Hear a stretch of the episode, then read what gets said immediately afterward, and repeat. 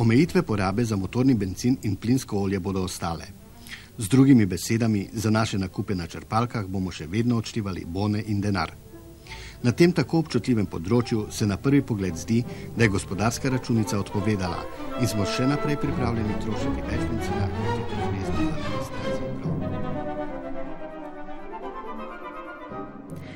Tako se glasi začetek prispevka v televizijskem dnevniku sredine novembra leta 1983 ko se je Jugoslavija v spopadanju s hudo dolžniško krizo posluževala tudi nepriljubljenih ukrepov, kot je omejevanje benzinske porabe. Državo pa sta že nekaj let pestili visoka inflacija in gospodarska kriza.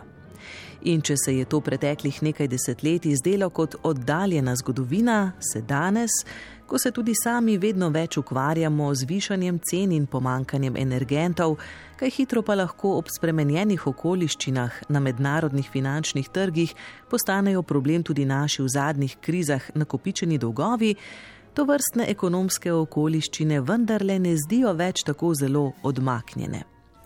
Prav zato se torej v tej in prihodnji oddaji sledi časa vračamo v čas jugoslovanske dolžniške krize, ki je nastopila na začetku 80-ih let, svoj vrhunec doživela v pogajanjih z mednarodnim denarnim skladom v letih 82 do 84, ustrajala pa pravzaprav vse do konca naše nekdanje države ter tudi nemalo pripomogla k njenemu razpadu.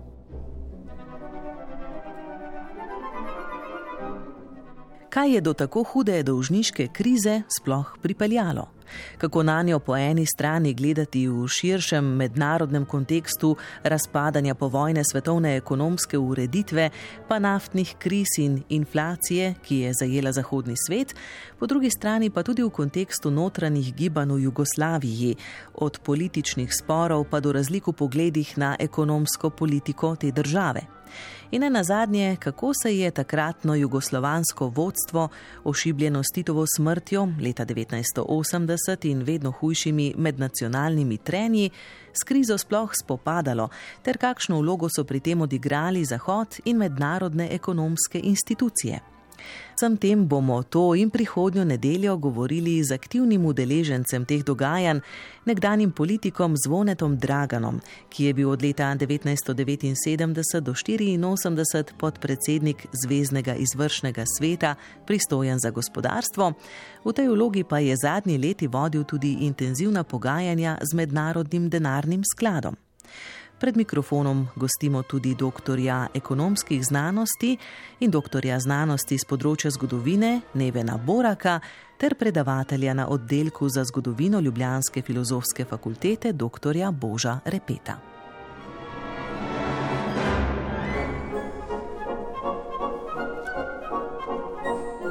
Da bi razumeli, kako in zakaj se je Jugoslavija na začetku 80-ih let znašla na robu bankrota, pa se moramo seveda vrniti še malo dlje v preteklost in sicer na začetek 70-ih let. Takrat so se namreč zgodili veliki premiki v mednarodnem ekonomskem sistemu, ki je vse od konca druge svetovne vojne zagotavljal stabilnost svetovnega gospodarstva. Te spremembe pa so močno vplivali tudi na jugoslovansko ekonomijo pojasnjuje ekonomist dr. Neven Borak. Ja, 70. leta so se v Jugoslaviji eh, pokazala kot zelo prelomna. Prelomna v več pomenih.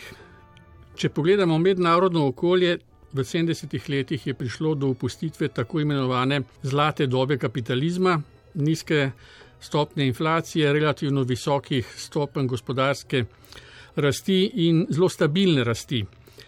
To je bila tudi značilnost tako vzhodnega kot neuvršenega dela tretjega sveta.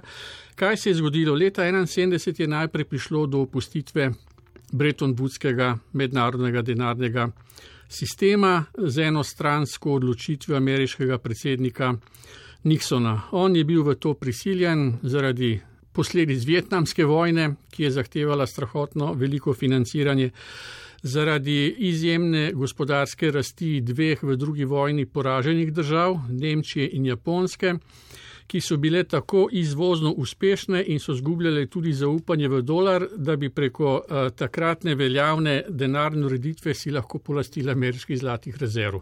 Ker je dolar bil v bistvu vezan na zlato, zlato je pa bilo sidrišče vsega tega sistema. Če je s tem dolar kot osnovna valuta svetovnega gospodarstva izgubil trdnost, ki jo je prej zagotavljala njegova vezava na zlato, pa je po drugi strani svetovno gospodarstvo v 70-ih letih zamajalo tudi več naftnih kriz. In medtem, ko so skokovite podražitve energentov v prostotržnih gospodarstvih povzročile močno inflacijo, so v nekaterih drugih državah, med drugim tudi Jugoslaviji, sprožile odločitve za velika vlaganja v energetiko in črpanje surovin. V 70-ih letih je prišlo zaradi eh, izraelsko-egiptovske vojne in njenih posledic do dvakratnega naftnega šoka, leta 73-74, pa potem leta 78-79. Dvig cen nafte je za seboj dvignil tudi cene drugih primarnih proizvodov oziroma surovin.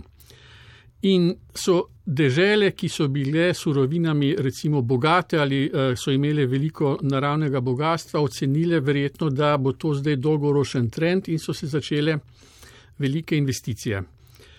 Seveda te investicije so presegale zmožnost lastnih gospodarstv in tvorjena prihrankov v lastnem gospodarstvu in so se zadolževale. Jugoslavija je recimo leta 1965 imela samo eno milijardo dolarjev zunanjega dolga. Leta 70-71 se je že več kot podvojil. V naslednjih deset letih se je pa podeseteril. Zakaj je do tega prišlo? V bistvu je ključni razlog bil v usmeritvah plana Jugoslavije za obdobje 76-80, ki je ob relativno nerealnih planskih ciljih tudi nekako zagovarjal to avtarkičnost gospodarstva, se pravi, eh, namesto da bi gradili gospodarstvo, ki bi bilo izvozno usmerjeno, se je bila odločitev, da se treba nasloniti na lastne sile, to se pravi na lastne domače naravne vire. Za te vire so rabili seveda industrijske objekte. Ti industrijski objekti so rabili opremo. Oprema se ni proizvajala v Jugoslaviji. Prišlo je do zadolževanja, ampak ne države. Prišlo je do zadolževanja podjetij in bank. Zaradi tega moramo ločiti to, če govorimo o, o dolgu Jugoslavije. Tu je mišljen dejansko dolg vsega, ne samo dolg države. Dolg države je bil še najmanjši problem dolg subjektov, rezidentov te države so bili problem, ker se je potem v času reševanja te dolžniške krize so upniki če dalje bolj pritiskali, da je država postajala garantor tega goda, se pravi, da je dajala jamstva, kar je pomenilo, da je dolg prevzemala na sebe.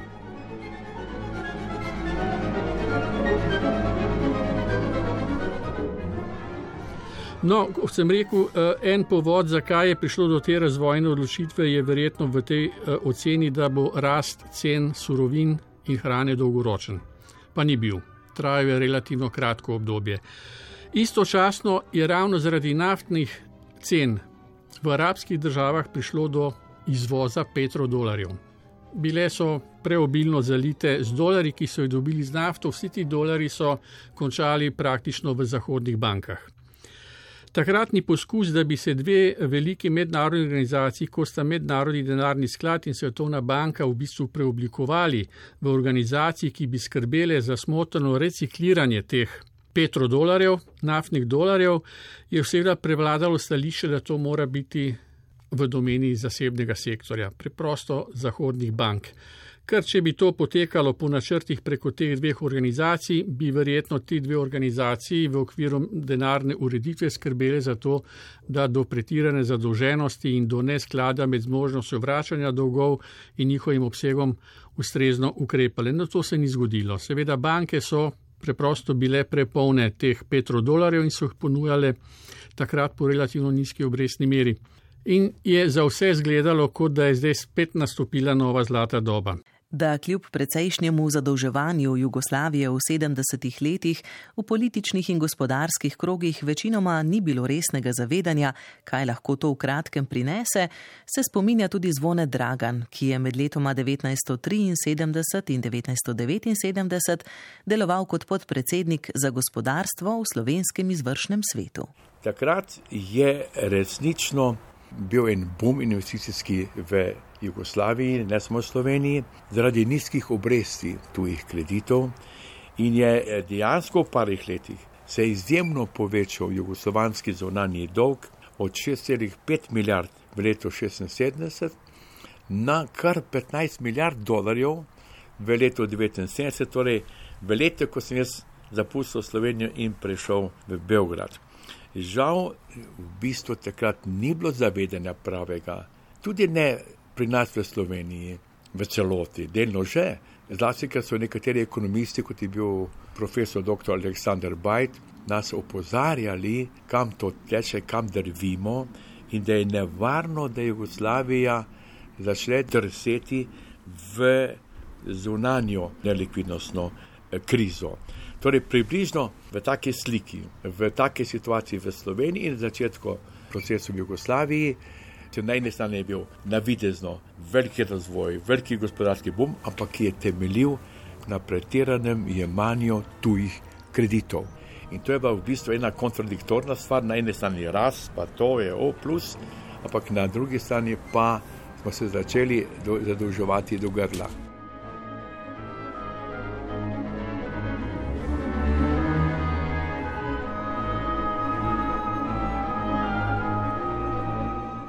Ampak kako je mogoče, da je država, ki je bila leta 1948 za voljo svoje suverenosti pripravljena celo na oborožen odpor proti Sovjetski zvezi, v naslednjih desetletjih pa je ogromno zunanje političnih moči usmerila v izgradnjo gibanja neuvrščenih, ki je omogočalo bolj neodvisen položaj na mednarodnem odru, sploh tvegala tolikšno zadolževanje v zahodnih trdnih valutah in s tem odvisnost od tujih kreditorjev.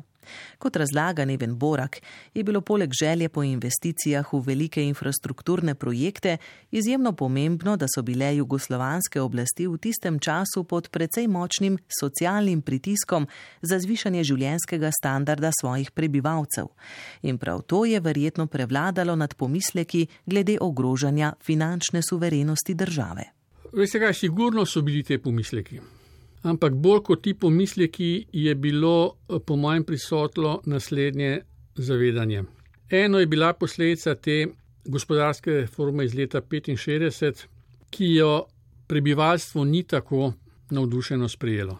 Leto 1965 je tudi v okviru nekdanjih socialističnih držav eno zelo zanimivo leto. Praktično v vseh najdemo sledi nekih reform.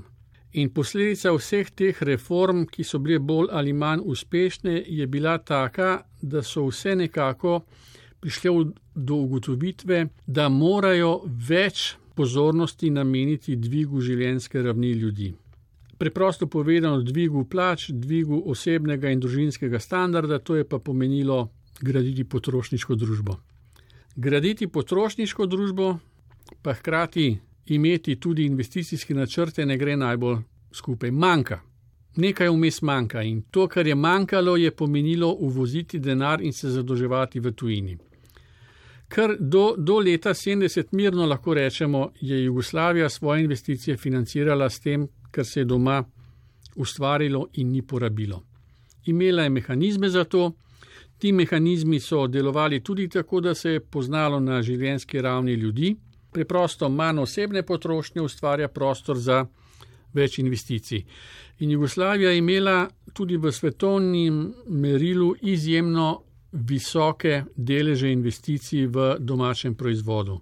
25 do 30 odstotkov. To so strahotno veliki investicijski napori, ki postanejo toliko večji, kolikor ne dajo pričakovanega izida. In če tega izida ni, je če dalje teže spet pritiskati na prebivalstvo in ga omejevati pri potrošnji. In zaradi tega je po mojem v 70-ih letih, kljub tem spoznanju, da tuja posojila, da so lahko tudi dvorezen meč, je verjetno prevladalo to, da je treba prebivalstvu omogočiti več osebne porabe, tako tekoče kot investicijske. Takrat se je tudi začel v bistvu stanovanski boom. Ne. Takrat se je začelo ogromno graditi stanovanja, počitniške hiše, takšne hiše, drugačne hiše. Poglejte samo Dalmacijo, pa Jadransko obalo. To je vse omogočilo zadolževanje Jugoslavije v tujini. Preprosto več je bilo vsega, zato da se lahko in dobro živi, in tudi veliko investira. In temu se reče živeti čez svojo mero. Ne?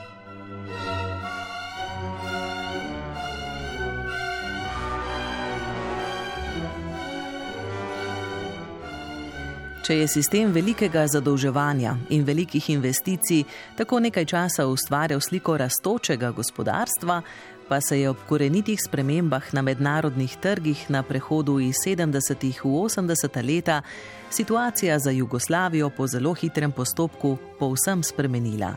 Neven Borak. No, potem se je pa v Združenih državah nekaj zgodilo.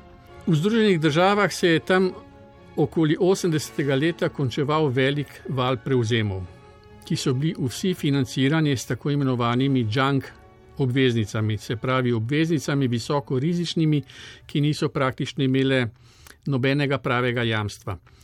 Ko se je pokazalo v tem valu prevzemov, da daleč od tega, da bi vsi bili uspešni, ne, se je to pokazalo na ceni denarja. Obrestne mere so začele naraščati. Jugoslovanski dužniki so v svojih kreditnih pogodbah imeli spremenljivo obrestno mero in se je to avtomatično preneslo potem v odplačilne plane. Do kakšnega razkoraka je ta mehanizem pripeljal, najbolje kaže podatek, da je v obdobju 81 do 91 Jugoslavija vrnila 25 milijard dolarjev tujini, pri čemer je njen dolg še vedno znašal 16 milijard. Se pravi, dejansko je neto vračala več, kot je pritekalo, in seveda delež več, kot bi sama glavnica v normalnih pogojih obrestovanja zahtevala. V posameznih letih so obrestne mere bile tudi po 17-18 odstotkov za posojila. To so ubijalske obrestne mere, ni investicijskega projekta, ki bi to lahko prinesel. Če bi to vrstne obrestne mere težko prenesel katerikoli investicijski projekt, pa investicije, v katere je Jugoslavija vložila izposojeni denar, že v osnovi niso bile vedno najbolj smiselne, razlaga zgodovinar dr. Božo Repe. Ne toliko sama višina jugoslovanskega dolga, kot visoke obresti in neprofitabilni investicijski projekti so tako poskrbeli, da je odplačevanje postalo skoraj nemogoče. Problem dolgov sam po sebi, višina dolgov, sam po sebi ne bi predstavljal za Jugoslavijo eh, problema, ne, težave. Glede na to, Jugoslavija je naredila do tedaj nek uh, izjemen razvoj, to lahko mirno rečemo. Ne. Iz neke popolnoma nerazvite države, ki je bila porušena med vojno, je prišla uh, do sreda 60-ih, do začetka 70-ih let, je prišla med razvite sredozemske države. Ne se pravi, bila je tam nekje, recimo na ravni Španije, ne, bolj razvita kot Grčija ne, in manj razvita kot Italija, če vzamemo italijansko povprečje. Se pravi, Jugoslavija je imela kapacitete znotraj sebe. Problem je bil v tem, da je bil ta sposojen denar porabljen neracionalno. Se to je nekaj, kar tudi danes poznamo. Ne. Torej, to ni šlo v neke investicije, v neko produktivnost, posodobitev sistema, ampak se je denar eh, delil po političnem ključu. Ne, se pravi, delila ga je vlada, ampak na osnovi teh političnih dogovorov v teh organih. Vsaka republika je dobila svoj del, republike so ga zapravile pač kot so ga, v glavnem so ga zapravile za, kot se je takrat reklo, tako imenovano družbeno nadstavbo, se pravi za dviganje standarda šole, vrtce eh, in tako naprej, tudi za plače, da se je kupoval socialni mir, in za tako imenovane politične investicije. Ne. Politika je odločala, ne stroka, eh, kakšna tovarna bo kje, kaj bo proizvajala in tako naprej. Se pravi, problem je bil v denarju, ki je bil porabljen neracionalno. Podobno Neven Borak. No, kaj se je zgodilo s temi investicijskimi projekti v Jugoslaviji? Naštel bom samo nekaj najbolj znanih, recimo tovarna v aluminija v Obrovcu na Hrvaškem, potem je tovarna barvnih kovin Feni v Makedoniji, potem je železarna Smederevo v Srbiji, potem je petrokemični kompleks Dina na Hrvaškem, potem je jedrska elektrarna v Sloveniji. To so bili dejansko izjemno zahtevni investicijski projekti, ki so počrpali velik del vsega tega denarja, ki je prišel iz tujine. Ob tem, da se je obrestna mera dvigala, se je dogajalo še nekaj. Zahod je to naftno krizo izkoristil tudi zato, da je znotraj sebe izvedel prestrukturiranje. Namreč oni so se ostro lotili in delovskih pravic in, in uh, notranjih delitev, hkrati jim je pa uspelo seveda vrniti udar proizvajalcem surovin z dvigom cen opreme. Se pravi, tehnološki napredek, s katerim so se borili proti visokim cenam surovin, je pripeljal do tega, da je v taki državi kot Jugoslavija, da se je nenadoma našla med nakovalom in tnalom. Po eni strani so je teple, če dalje više obrestne mere, za posojila, ki so jih uporabljali za kupovanje če dalje draže opreme. Potem se je pa zgodilo še to, ko so cene teh surovin padle, večina teh projektov nenadoma postala nedonosna. Se pravi, niti niso mogli ustvarjati za dosti dinarjev, da bi lahko saj z dinari kupovali iz, iz lastne takrat imenovane akumulacije, kupovali devize. In zgodilo se je to, na eni strani začelo primankovati deviz, na drugi strani pa začelo primankovati dinarjev.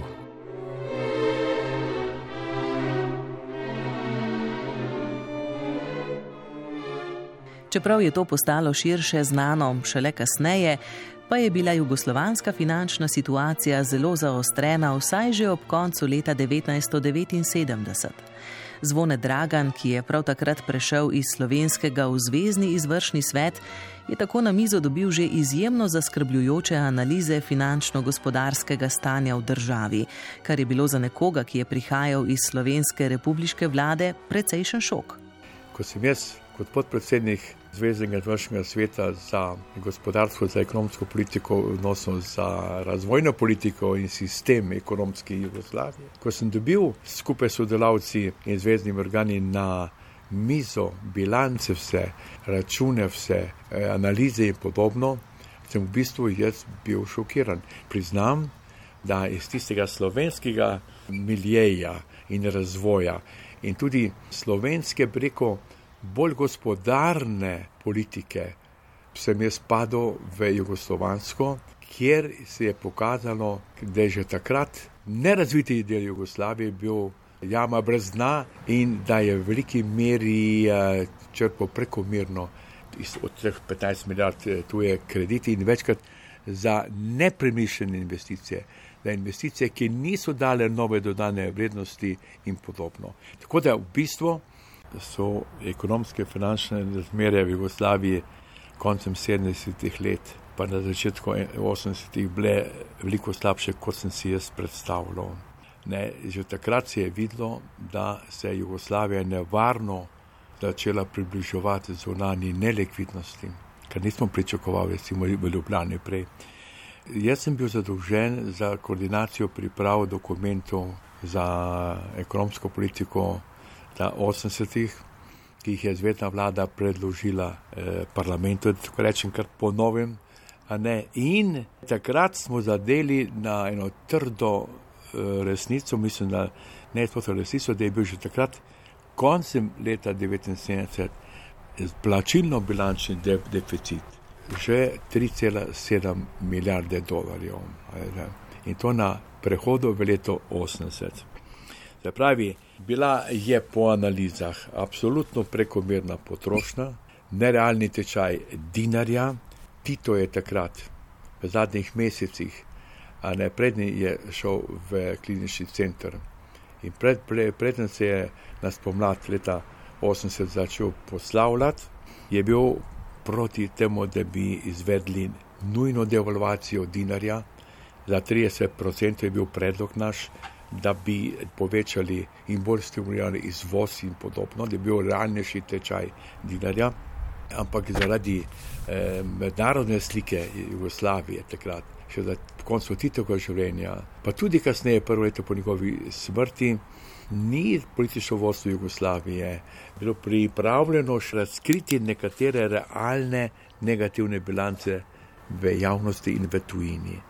Ne, in zato je nam bilo težje a ne v bistvu voditi in pripravljati ekonomsko politiko na podlagi nekaterih nerealnih, fiktivnih, recimo, predpostavk in tako dalje, nerealnih računov in prognoz.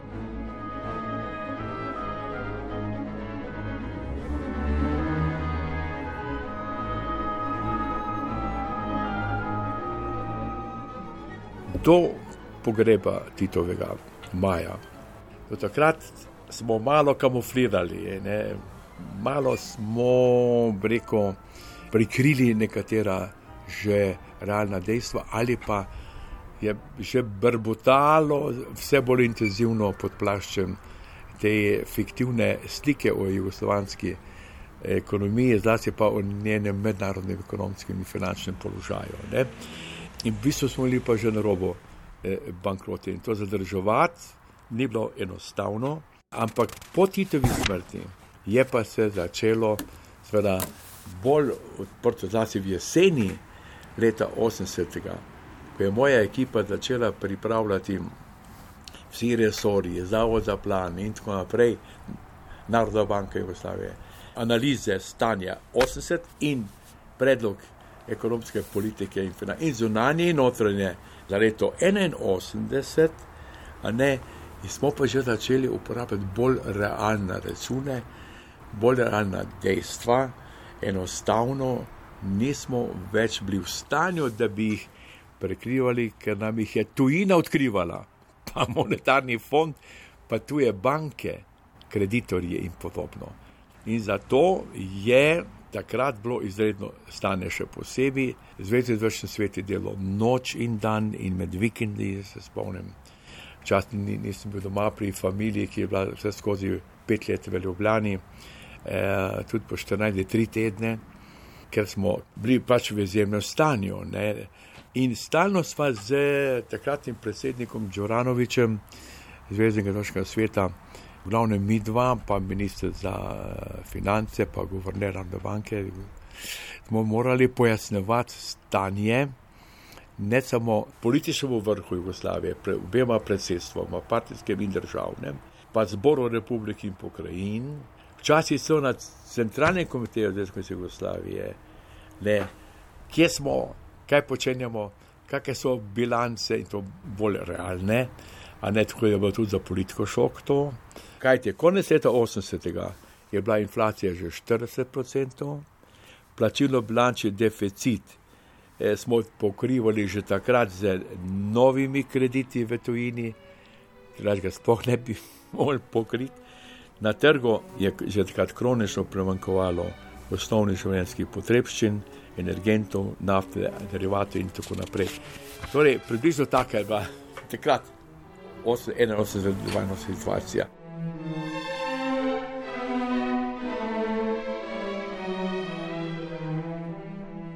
V teh okoliščinah pa je, kljub predhodnim reformam, ki so dajale republikam, pa tudi posameznim podjetjem in bankam vedno večjo avtonomnost pri sprejemanju ekonomskih odločitev, reševanje krize padlo na zvezdno državo, ki je začela garantirati ne le za jugoslovanski državni dolg, ampak tudi za notranji dolg republik ter njihovih podjetij in bank, razlaga Božo Repe. In ko je bilo treba denar vrniti, je nastala seveda težava v tem, da je bila za vrnitev dolgov odgovorna federacija in ne republike, ki so si izposodile. Republike so bile pa z izjemo Slovenije in deloma Hrvaške nesolventne. Danes bi rekli, da so bankrotirale, ne, tako kot Grčija, recimo, ne, in tako kot bi skoraj Slovenija v tistih letih 12-13. In zato je bilo treba začeti z ukrepi. Ne, to je bil ta šok.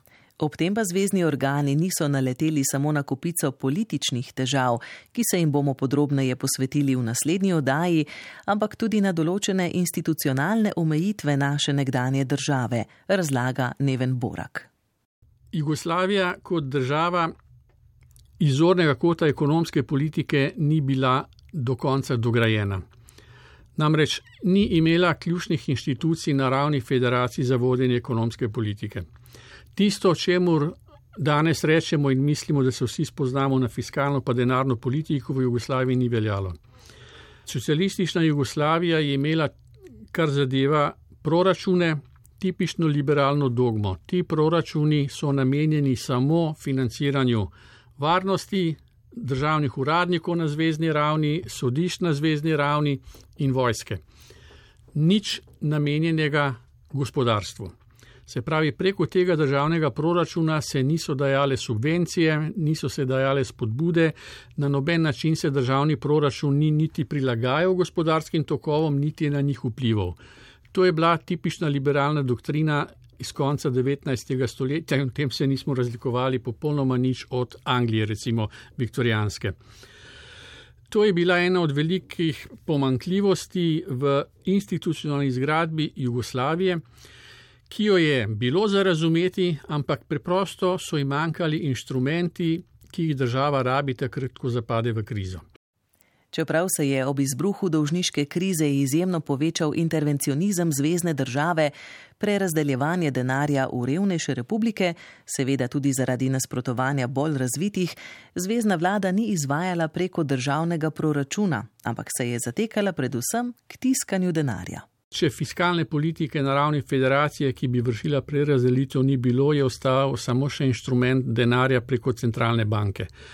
To je dejansko začetkom 80-ih let, se pravi takrat, ko je bilo spoznano, da je kriza tu in da ni več mogoče se delati, kot da tega ni. To je potem postajal mehanizem, ki se je razvijal in deloval praktično do razpada. Mi smo imeli dejansko neprekinjen mehanizem financiranja izgub pa dolgov s tiskanjem denarja. In to je bila pot, ki je vodila do hiperinflacije. Se pravi, na to inflacijo je najprej vplivala nizka produktivnost. Domači proizvajalci, neuspeli projekti, ki so se pokazali kot zgubarski, potreba po pokrivanju teh izgub, potem nenehno spreminjanje deviznega tečaja in seveda tudi gibanje obrestnih mer doma, ki nikoli niso dosegle ravni realnih obrestnih mer pozitivnih. To so vse bili inštrumenti, ki so samo ustvarjali nek napihnen balon, za katerega se ni vedlo, na koga bo vse padlo, ko bo počil.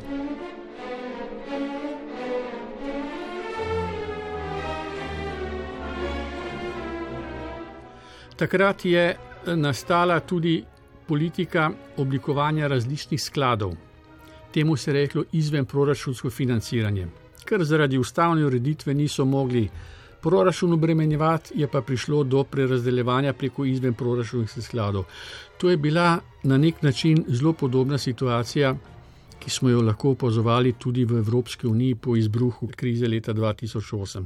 Praktično je edina inštitucija, ki je lahko takoj reagirala v tej krizi, bila Evropska centralna banka. Evropske fiskalne politike ni bilo.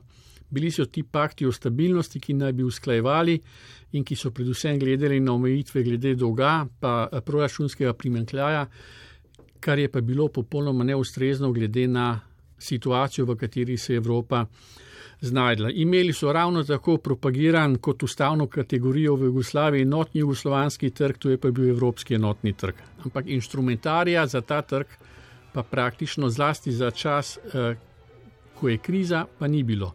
Se pravi, lahko bi rekli, da je jugoslovanska ustava in ureditev, pa evropska ureditev, in to velja v veliki meri še danes, je bila narejena samo za dobre čase. Za čase, ko je pa potreben poseg, pa ni imela zadostnih inštrumentov in potem se je pač nasilo krpalo, kakor se je vedelo in znalo, da se poskuša vsaj nekaj tega manjkajočega instrumentarja uh, ustvariti.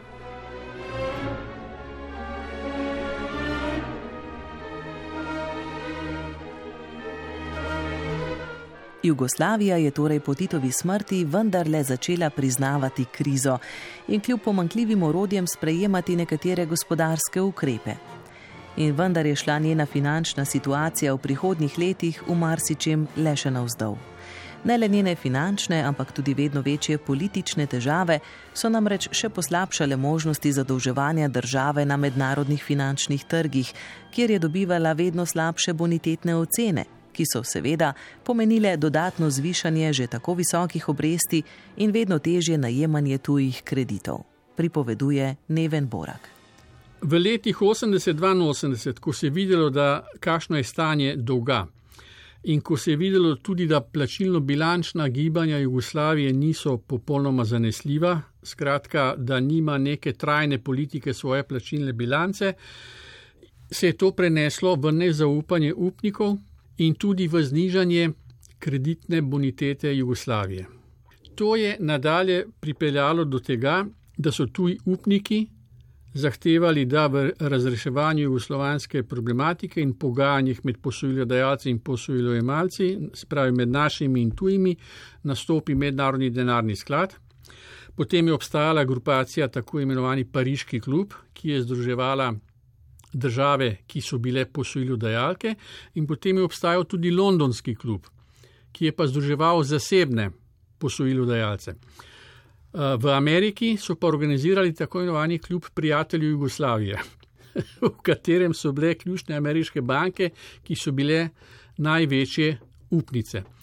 In pravzaprav se je odnos do Jugoslavije potem v največji možni meri gradil preko naklonjenosti Združenih držav. In kako pomembna je bila ta naklonjenost, poudarja zvone Dragan. Takrat, ko je, to je leta 82, dejansko smo se znašli na robu bankrota, takrat je v bistvu rešilni pas, tako rečem, Jugoslavije in pa je bil to podlaga za stand-by, prvi in drugi naprej. Ampak generalno je rešilni pas ponovno organizirala ameriška vlada skupaj s 15 državami kreditorji in konzorcijom 500 komercialnih bank. To so tako imenovani oni, ne da bi čakali na naš program Krajgerove sanacijske komisije, mislim, komisije za program stabilizacije, so oni pripravili sanacijski program. In sicer za prvič reprogramiranje dolgov, tisto, kar smo rabili za odplačilo starih dolgov, za refinanciranje, drugič za najetje velikega kredita, ugodnega, 6,5 milijarde dolarjev za nakup nujnih surovin in reprodukcijskih materijalov za proizvodno, da je sploh industrija delala, še ne bi bil totalni kolaps in tako naprej, ter za odplačilo visokih obresti, kot sem prej rekel, ki so se naglo naraščale in tako dalje. Brez tega sanacijskega programa in brez tega, da je Amerika potegla glavno vlogo in zagotovila svoje jamstvo, se poslala več v Amerika, Amerika, a ne pa ona ima fond, tam pa ima svetovno banko, pa vpliv in podobno. Ne? brez tega ne bi šlo sebi jugoslovanska industrija mnoga ustavila, izvoj bi še bolj padel. Skratka, totalni bankrot. Nastopila bi totalna kriza, ekonomska, socialna in politična, ki jo poznamo v nekaterih nerazvitih državah. Ne rečem res lahko, ta pa tak naprej. Ne.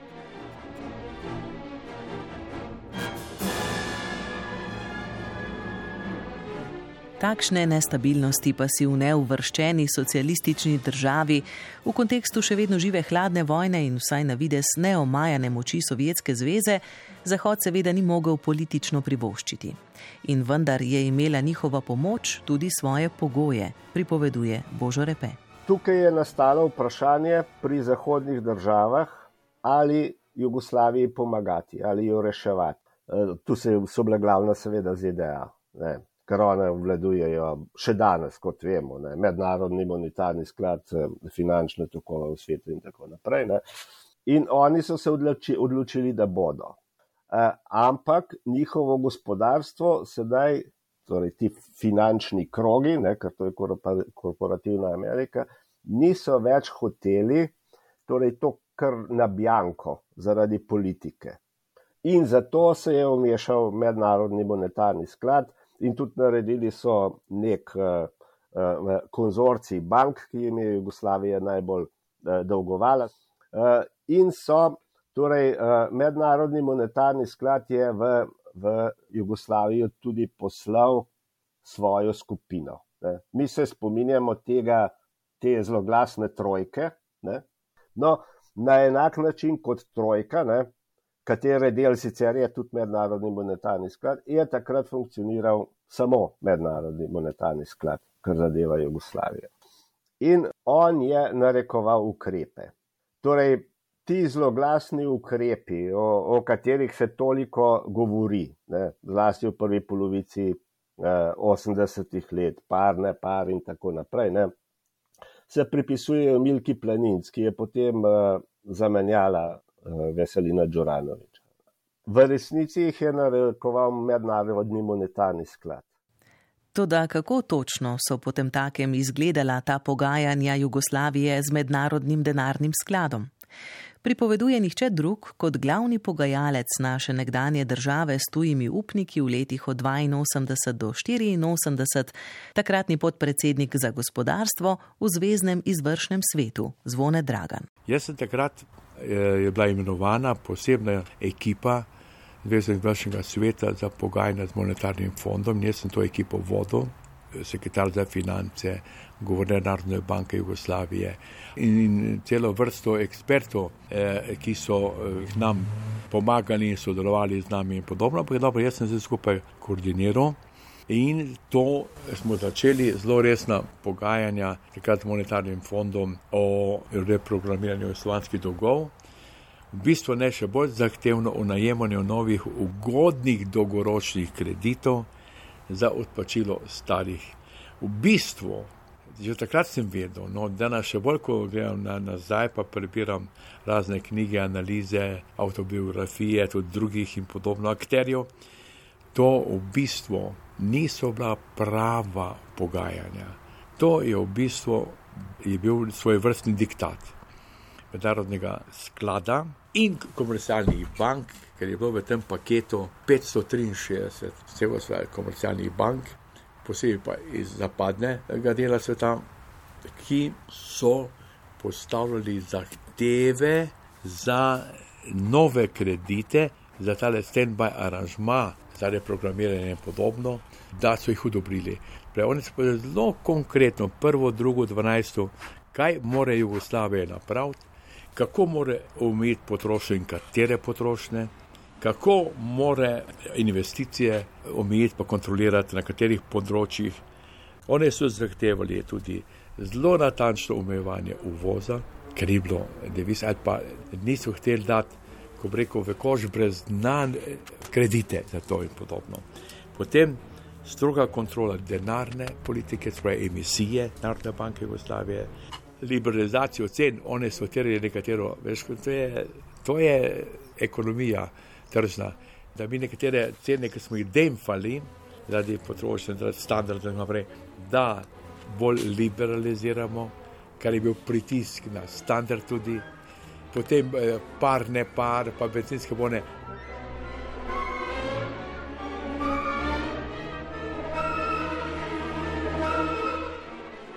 Pa tudi, ko smo sprejeli prvi aranžma, pa drugi aranžma, veste, je vsak mesec prihajala v Beograd. Misija mednarodnega denarnega fonda, ki je z mojo ekipo v Zvezdnem svetu, čas po teden dni, od točke do točke, ki smo jih sprejeli v stand-by aranžmano in tako naprej, potrošnja, investicije, cene in tako dalje, kaj ste napravili? Mesečno, ne letno. Ne? In seveda to je bilo obupno včasih, zelo ostre debate. Mi smo se večkrat reševali, kako smo vedeli in znali, včasih smo tudi lagali, da kaj je boljše, kot je pa resnično bilo. Ne, ampak ponovadi so bili ti strokovnjaki, ki so prišli iz Washingtona, preveč nabriti. Zakaj? Ker so jim tuje ambasade iz Beograda in njihovi ekonomski svetniki dnevno poročali, kaj se v Jugoslaviji dogaja, in so oni prišli praviloma zelo pripravljeni v Beogradu. Tako da smo bili včasih kar v neprijetni situaciji.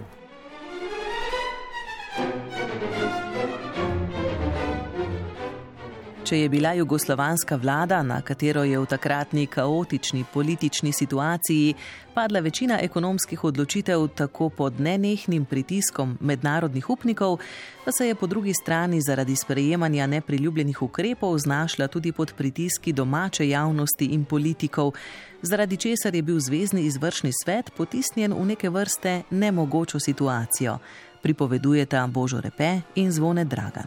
Politiki so v bistvu te pritiske jemali in seveda deloma so imeli prav, samo za krizo so bili krivi na veliki meri sami, so te pritiske jemali kot diktat Jugoslaviji.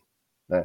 Torej, neovrščeni, ugledni Jugoslaviji tukaj sedaj nekaj diktirajo, hočejo, da uvede kapitalizem in tako naprej. Ne? Takrat so mnogi kritizirali mene v odnosu vlado Milke Planinc, so rekli, da se pogajate na kolenih, da da prodajamo državo, suverenost in podobno. podobno. Niso se vprašali, kdo je za to kriv, krivi so bili sami, ker smo padli v tako zonanjo nelikvidnost. Podobno. In ko smo pa prihajali v Beograd poročati, ne samo vladi, ampak poročati v skupščino Jugoslavije, zlasti ko so napadali delegati iz nerazvitih republik in pokrajin, kot Kosovo in tako dalje. In ko smo prihajali z Mirko zlasti na predsedstvo partije v Beogradu, utemeljevati, pojasnjevati, zakaj smo sprejeli določene kompromise in podobno s monetarnim fondom, so pa po nas udarjali, kritizirali, tako da parkrat je celo Mirka hotela odstopiti in podobno. In seveda, zaradi vsega tega, ne mislim, da je bila to moja dejansko v petih letih daleč najtežja eh, preizkušnja naloga. Ampak tako pač je, dodaja zvone Dragan, če se pogajaš iz pozicije, v kateri si popolnoma odvisen od pomoči drugega. Mi smo pripravljali naši strokovnjaki za vsako seanso, za vsako srečanje s to misijo. Ne, in smo točno vedeli, kaj bojo kontrolirali in, in, in kaj bojo zahtevali od nas in spodali veliko predlogov. Moram reči, da nekateri predlogi so se tudi njim zdeli v redu in so jih sprejemali ampak nekatere pa ne. ne. In eh, mi nismo imeli nobenih možnosti, ker enostavno, če so oni ustrajali in če mi ne bi se strinjali, bi oni rekli, da ja, v redu bomo pa prišli v naslednji mesec, ker so bile pa mesečne tranše teh kreditov in podobno. Bote pa počakali dva, tri mesece, to pa nismo mogli v bistvu je to bil diktat. Ne. Čeprav so bili v nekem smislu kooperativni, tu so poslušali, tu so nekaj sprejemali, ampak dejansko si bil pa ti v položaju, da se oni rešujejo. Tako da tu moramo paziti, ne. tu ljubezni ni, ko gre za daj dan, pa moš vrniti kredit. In to se moramo zavedati, ne, da kar so lahki krediti, da bo treba to enkrat odplačati. Ne. Mislim, da edino za nami in manjši kredit Norvežani, če se ne motim, odpisali, drugače pa to ni ljubezni. Ne?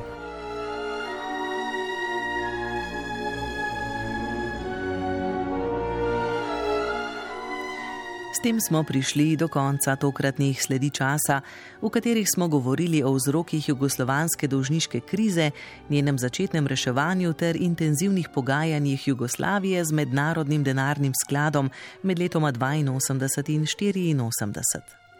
Prihodnji teden bomo v drugi oddaji na to temo raziskovali, kaj so ti ukrepi dejansko prinesli, kako so jih izvajali, kaj se je zgodilo ne le z odplačevanjem dolgov, ampak tudi s strukturnimi reformami jugoslovanskega gospodarstva, ter kakšno vlogo je pri tem odigrala vedno hujša politična in mednacionalna kriza v naši nekdani državi. Pred mikrofonom bomo tako kot danes gostili nekdanjega politika Zvoneta Dragana, doktorja ekonomskih znanosti in doktorja znanosti z področja zgodovine Nevena Boraka ter zgodovinarja dr. Boža Repeta. Oddajo, ki lahko prisluhnete tudi na naši spletni strani ali med podcasti, je pripravila Alja Zore. Glasbo je izbral Rudi Pančur, za zvok sta skrbeli Mirta Berlan in Klara Otorepec, vezno besedilo sem prebrala Mateja Perpar.